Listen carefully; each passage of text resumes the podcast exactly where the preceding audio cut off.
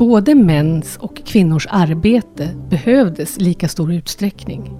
Vi kan liksom inte tala om att, att det var en manlig försörj, ett manligt försörjarideal utan snarare en tvåförsörjarmodell. De rodde dåtidens vattentaxi, drev affärer och var grovarbetare. 1700-talets Stockholmskvinna gjorde i stort sett samma jobb som männen och hon var lika viktig för hushållsekonomin. Det här visar historikern Sofia Lings forskning som också pekar på att myndigheter på 1700-talet kunde värdera en persons civilstånd högre än dennes kön. Du lyssnar på Forskarpodden som görs för Uppsala universitet av mig, Jonas Lövenberg och min kollega Niklas Norén. Välkomna! Jag heter ju då Sofia Ling eh, och jag är historiker och forskare. Min senaste forskning har handlat om 1600 och 1700-talets Stockholm och kvinnors framför allt, men även människors arbetsliv. Och sen min avhandling handlade mer om 1800-talets Sverige, men också, fast från en annan synvinkel, egentligen människors arbetsliv, fast när det gällde läkekonstens område. Vad gör din forskning för nytta?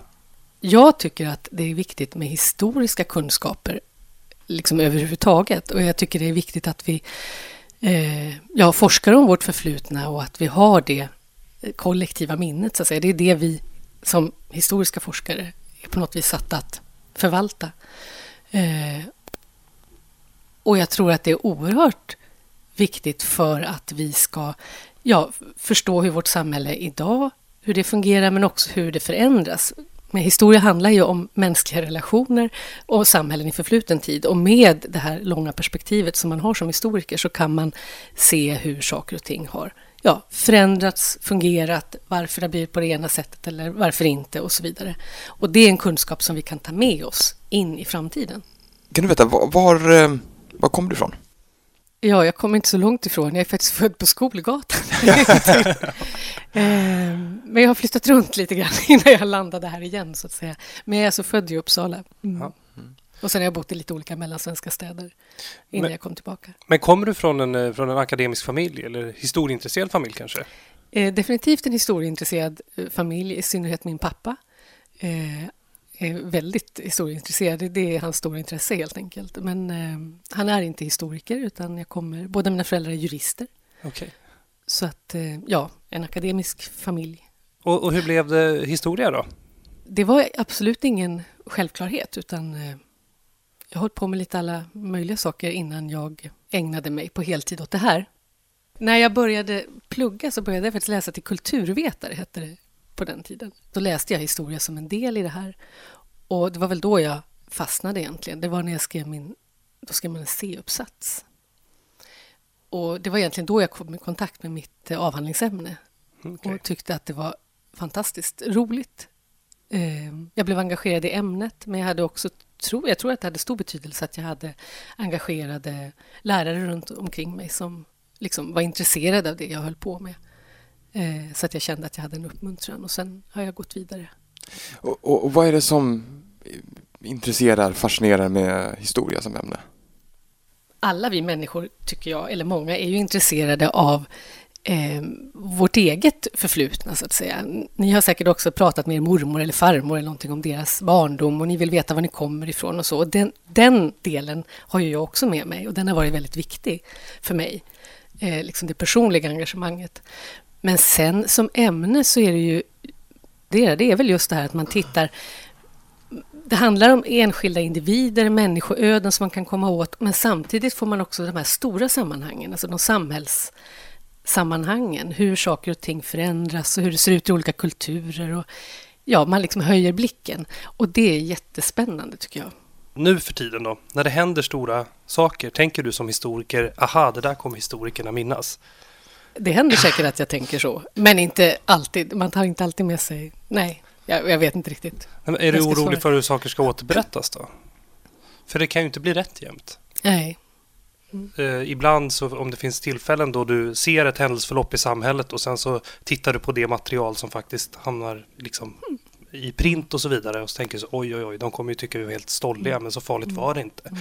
Eller tvärtom, att det här var väldigt allvarligt men det kommer inte märkas. Mm. Har du varit med om någon sån situation? Jag kan inte komma på något konkret exempel Nej. nu men självklart dyker ju sånt upp och jag menar ja. sånt är ju det är inte bara jag som funderar över sådana frågor också. Nej. Och nu kommer du upp med en sån här fråga, till exempel, vad är det för material vi bevarar? Då är vi mm. inne på sådana här med ja, e-post till exempel som försvinner. Ja, ja, vad, vad, finns det för material så att säga som blir kvar till framtiden?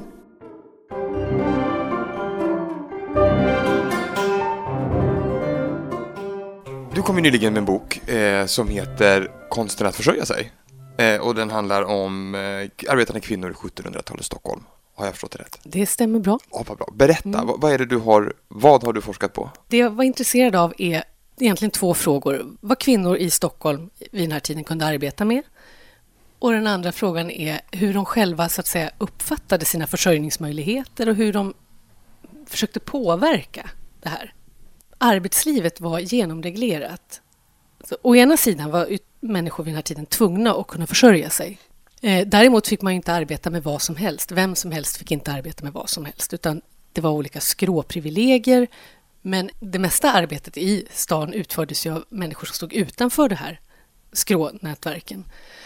Även det arbetet var ju reglerat på olika sätt, så man behövde då tillstånd. För att få till exempel som kvinna få stå på torget och sälja fisk så behövde man då ett tillstånd att det var det man fick göra. Och av den anledningen så vänder sig även kvinnor då till myndigheterna för att söka sådana här tillstånd. Men de vänder sig också dit för att de kanske inte tycker att de får möjlighet att bedriva den handel som de har tillstånd för att bedriva, eller vad det nu kan vara. Eller för att de tycker att eh, eh de inte klarar det är en tredje anledning, för det är liksom tre stora anledningar egentligen till varför de vänder sig till myndigheterna. Och det är att de begär av olika skattelättnader eller att de tycker att de klarar inte det här rent finansiellt. Så genom de här skrivelserna då så får jag den här typen av uppgifter så får jag en del av deras röster då om hur, hur de ser på sitt arbetsliv. Skulle du kunna bara ge oss en, en bild om du skulle beskriva 1700-talets Stockholm, hur det såg ut och vad man liksom, hur var livet i, i staden vid den tiden?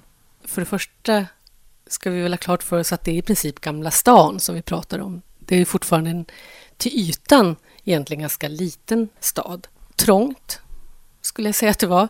Eh, eh fattigt. Jag tror det var ganska tuffa levnadsvillkor.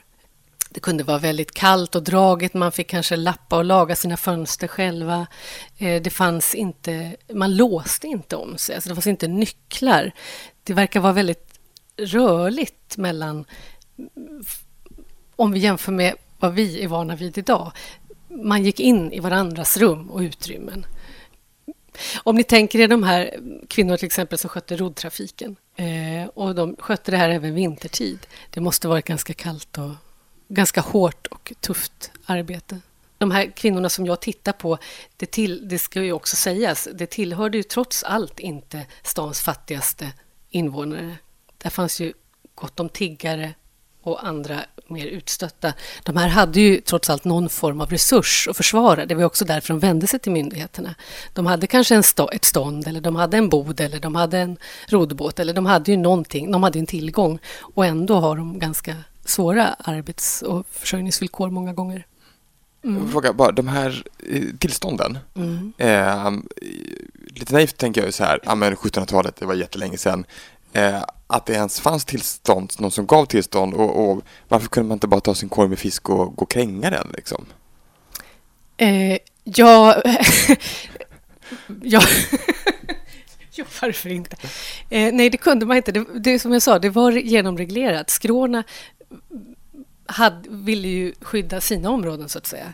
Eh, och det fanns myndigheter, en rad olika myndigheter som var satta att sköta det. Det fanns uppsyningsmän, olika utövare av ordningsmakten som skulle liksom se till att det, här, att det var ordning i staden. Om... Och grunden för de här skråna var ju då, eh, alltså principen för, för privilegierna var ju att, nu blir det lite förenklat, men vi tänker oss att ja, en stad eh, har tio skomakare och så tänker man, ja men det räcker. De här tio skomakarna måste kunna försörja sig på att göra skor. Eh, och det finns x antal invånare. Ja. Så, så sen behöver vi inga fler Nej, skomakare. Så att det finns liksom ett, marknaden liksom skulle vara, Precis, ja, räcka inga, till alla. Just det, det, var, det, det, fanns inga tankar på att man, om det kommer en elfte skomakare och så är den personen så himla bra mm. så ska den få konkurrera ut de andra. Nej, så är det inte. Nej. ett annat tänkande. Men, men jag tror du frågar lite också, vad hände om man krängde sin fisk på torget ja, utan ja, ett tillstånd? Mm. Om man inte tillhörde stan så kunde man ju åka ut ur stan. Okay. Då blev man utvisad. Eh, oftast var det annars bötes, mm. böter som kunde bli aktuella. Finns, fanns det en skillnad mellan kvinnor ja. och män? Och hur såg den ut undrar jag då? Både mäns och kvinnors arbete behövdes lika stor utsträckning.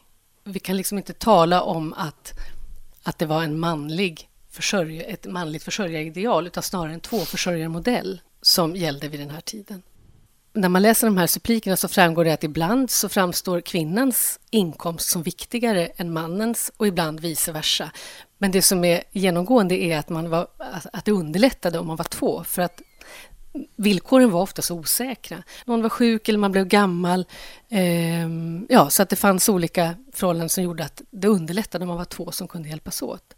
Och ibland kunde man hjälpas åt inom samma hushåll alltså man, och inom samma näring. Vi har ju nämnt de här fiskförsäljerskorna. Ja. Till, jag har exempel på kvinnor som stod på torget och sålde fisk. Om man förstår att maken fiskade. Så då driver man ju så att säga någon slags näring gemensamt. Man har, sysslar med samma sak. Men i andra fall så verkar det varit en poäng just att man gjorde helt olika saker. Mannen kanske var hantlangare eller murare och kvinnan hade en liten bod där hon kunde sälja någonting. Och då bidrog man, fast från olika håll. Så din fråga om vad som är skillnaden mellan män och kvinnor är, måste jag snarare besvara från det hållet. Ja, att, okay. att det finns väldiga Men... likheter som man kanske inte alltid hade förväntat sig och som var, har varit intressanta att se. Fanns det specifika yrken för för kvinnor fanns det liksom kvinnoyrken vid mm. den här mm. tiden. Mm. Vilka var det? För det första kan man väl säga att det finns egentligen inte några område. Jag var inne in lite grann på det här att man, man arbetar inom samma näringar. Det finns egentligen inga liksom enkönade arbetsområden utan män och kvinnor behövdes inom alla områden. Sen finns det ju förstås mer kvinnligt kodade sysslor och manligt kodade sysslor. Eh, barnmorska till exempel, för att återknyta också till det jag håller på med i avhandlingen, är ett sån kvinnligt eh, område.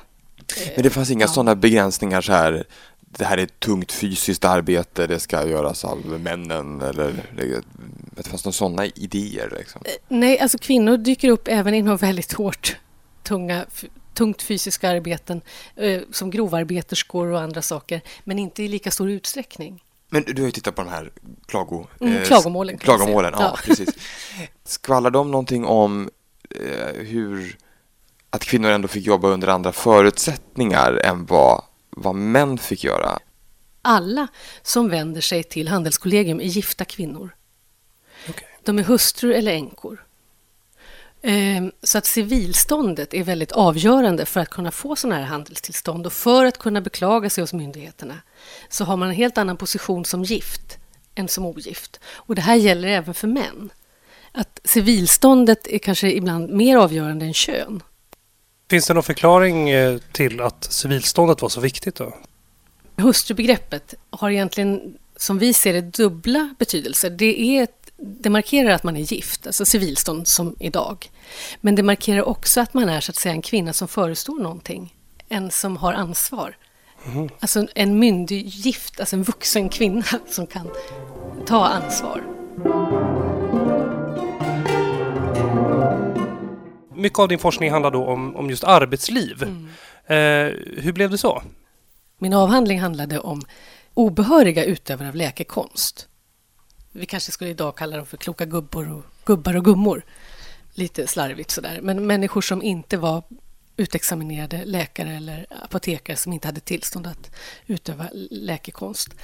Eh, relationen mellan dem och den framväxande läkarvetenskapen, det var vad jag tittade på i min avhandling. Eh, och det handlar ju i någon mening om arbetsliv. Och då tittade jag på en massa olika material, men bland annat klagomål från människor som hade blivit anklagade för kvacksalveri. Eh, människor då som blev anklagade för det här kunde vända sig och klaga över det här. Eh, och den högsta instansen man kan klaga till eller besvära sig hos i Sverige under den här tiden var ju till Kunglig Majt, alltså till högsta instans i landet. Och då tittade jag på sådana här klagomål och de var väldigt spännande och väldigt intressanta för att då får man en inblick i hur människor själva argumenterar för ja, hur de har det och sina arbetsvillkor och sådana saker. När jag hör kvacksalvare då tänker jag att det är någon som säljer eh, så här, oljor och krämer och sen säger ja. det, här, det här botar allting, ja. du smörjer på den här och sen så är din reumatism borta och dina mm. eksem och mm. du får bättre mm. hållning och mm. allting. Att det är liksom mm. riktig lurendrejeri, tänker jag.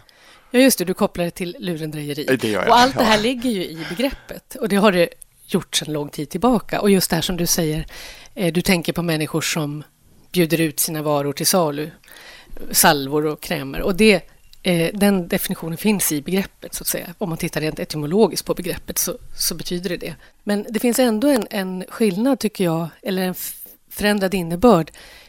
En kvacksalvare, om, om vi skulle använda begreppet idag, det skulle vi kunna säga om en läkare som inte sköter sig, alltså en riktig kvacksalvare. Och då syftar vi någonstans på att de inte har den kunskap som krävs. Eller den, ja.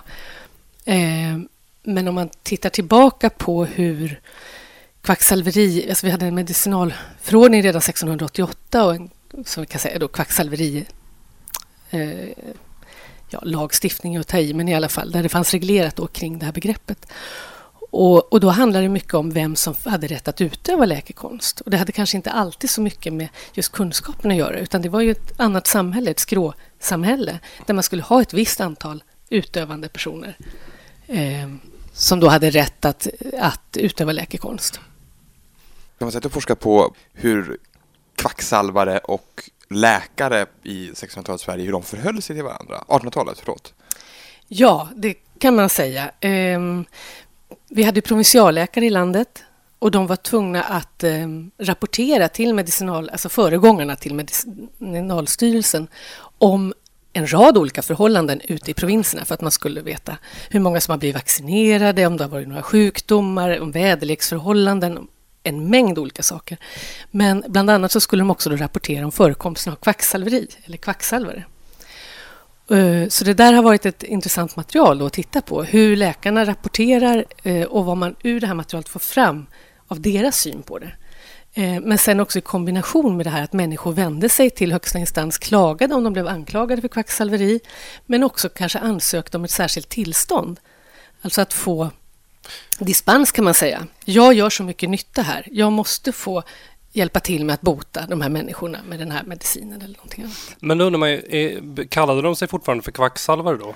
Åh oh, nej, ingen kallar nej. sig själv för kvacksalvare. Nej, nej, okej. Nej, nej, det är och det ligger nog laddat, i, Ja, och det ja. ligger nog i begreppet tror jag sen men, men begynnelsen att kvacksalvare är någonting man tillskrivs. Okej, okay. men mm. vad kallar man sig då i så fall? Om man inte får vara med i läkarskråt eller har en examen, mm. vad, vad, vad, blir man då?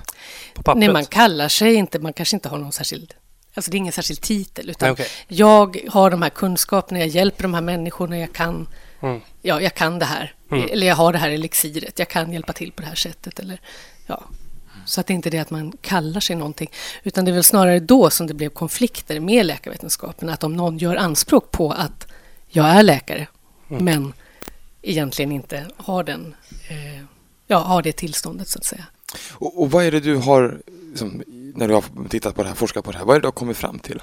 Ja, en del har vi ju redan berört. Det här till exempel hur synen på, på kvacksalveri och vad det har varit för någonting, hur det förändras. Men sen också att eh, jag kanske hade förväntat mig större konflikter och mer eh, stridigheter, eller man ska säga, från läkarvetenskapens håll. Medan det jag finner är snarare ett ganska öppet förhållningssätt. Eh, man var ganska tillåtande både på liksom central nivå och ute i landet från läkares håll. Och det kanske inte är så konstigt om man tänker att landet är stort. Det fanns inte läkare eller medicinskolad personal att tillgå ute i landet. Och det fanns en medvetenhet om det. Så att om det var människor som så att säga man hade tillit till och tyckte skötte det här på ett bra sätt så kunde man till och med uppmuntra människor att, att hjälpa till. Vilka var de här då, obehöriga utövarna? Eh, ja, det var både män och kvinnor. Däremot så kan man, kan man från eh, och det är också ett viktigt resultat i avhandlingen som för övrigt heter Kärringmedicin och vetenskap, att det finns en större tolerans från läkarhåll mot kvinnliga utövare. Alltså den typen av medicin som egentligen inte konkurrerar med den manliga läkarvetenskapen. Men det handlar, eh. det handlar inte om att exempelvis de här obehöriga utövarna som var kvinnor kanske jobbade på ett annat sätt? Alltså de jobbade mer, nu gissar jag, som mm. barnmorskor eller mm. att man behandlade andra patienter eller att det var, fanns någon, någon sån skillnad som gjorde att man, läkarkåren var mer överseende liksom? Nej, det skulle jag nog inte säga. Däremot så är det ju någonting som man kan se lite i materialet. För det är en, en intressant fråga är just, och som är ett problem för läkarna, eller läkarvetenskapen som de framställer som ett problem, det är att många människor inte har förtroende för läkarna. De klagar över att folk går till de här andra, de, de som läkarna kallar för kvacksalvare och blir illa behandlade och sen när de väl kommer till läkarna så är det för sent, då kan vi inte göra någonting. Eh, och där kan man möjligen se att det finns skillnader i sättet att bemöta patienterna som kan i sin tur ha betydelse för varför människor söker sig till den ena eller den andra kategorin. Mm.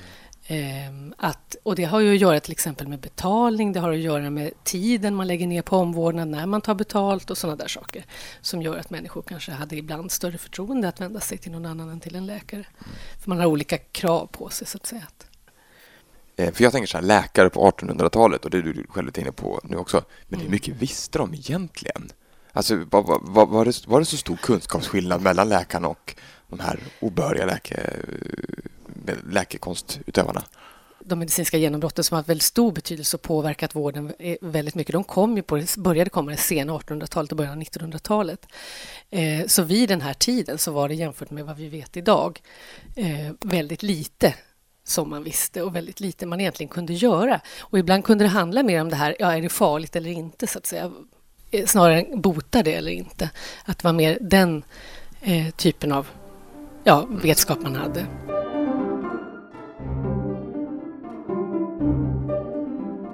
Kan du berätta om Gender and Work? Hela utgångspunkten för projektet är att vi egentligen inte vet så mycket om vad människor verkligen arbetade med, alltså hur de tillbringade sin tid för att försörja sig under tidig modern tid i Sverige. De flesta skulle kanske säga, ja men vet vi inte, alla var väl bönder? Tittar man i bouppteckningar om antalslängder och folkbokföring och sådana där saker, alla var väl bönder och bodde på landet. Ungefär så. Eh, men om man börjar tänka efter så vet vi egentligen ganska lite om vad, vad alla dessa bönder egentligen gjorde i olika delar av landet med ganska olika socioekonomiska förutsättningar. Eh, vi vet kanske ännu mindre om vad deras hustru eller barn eller andra i deras hushåll gjorde. Ehm, så att då har vi ställt en ganska konkret fråga. Vad arbetade man med? Eller vad, hur använder man då sin tid i, försörj i försörjningssyfte? Det finns inget lättillgängligt material för att svara på sådana här frågor. Det, fanns, det finns liksom ingen statistik man kan gå till. Utan man måste leta efter de här uppgifterna. De kan dyka upp egentligen nästan var som helst. Eh, typen av uppgifter vi har varit ute efter är vad människor gjorde i verbform. Okay. När det står till exempel Emil bar vatten till ladan. Då mm. vet vi att vem som gjorde det, vad han gjorde och när han gjorde det. Och kanske platsen och vi får en massa annan information också. Den typen av uppgifter har vi varit ute efter när man verkligen förstår vad någon verkligen har gjort.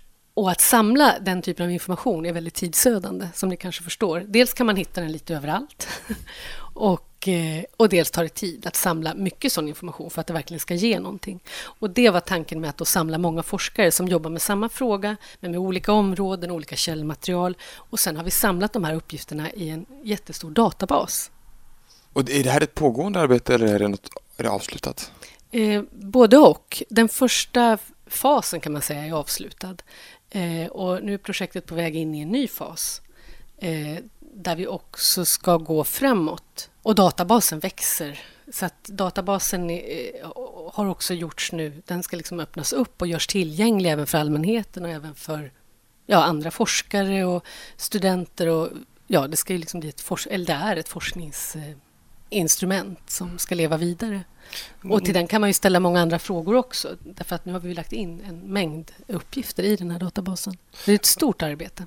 Och dina klagomål låter ju som att de passar väldigt bra in där för det är mm. korta beskrivningar av mm. något som har gått snett. Mm. Så suppliker är ett viktigt källmaterial i den här databasen. Men sen är det, det stora materialet utgörs nog av domstolshandlingar och rättegångsmaterial.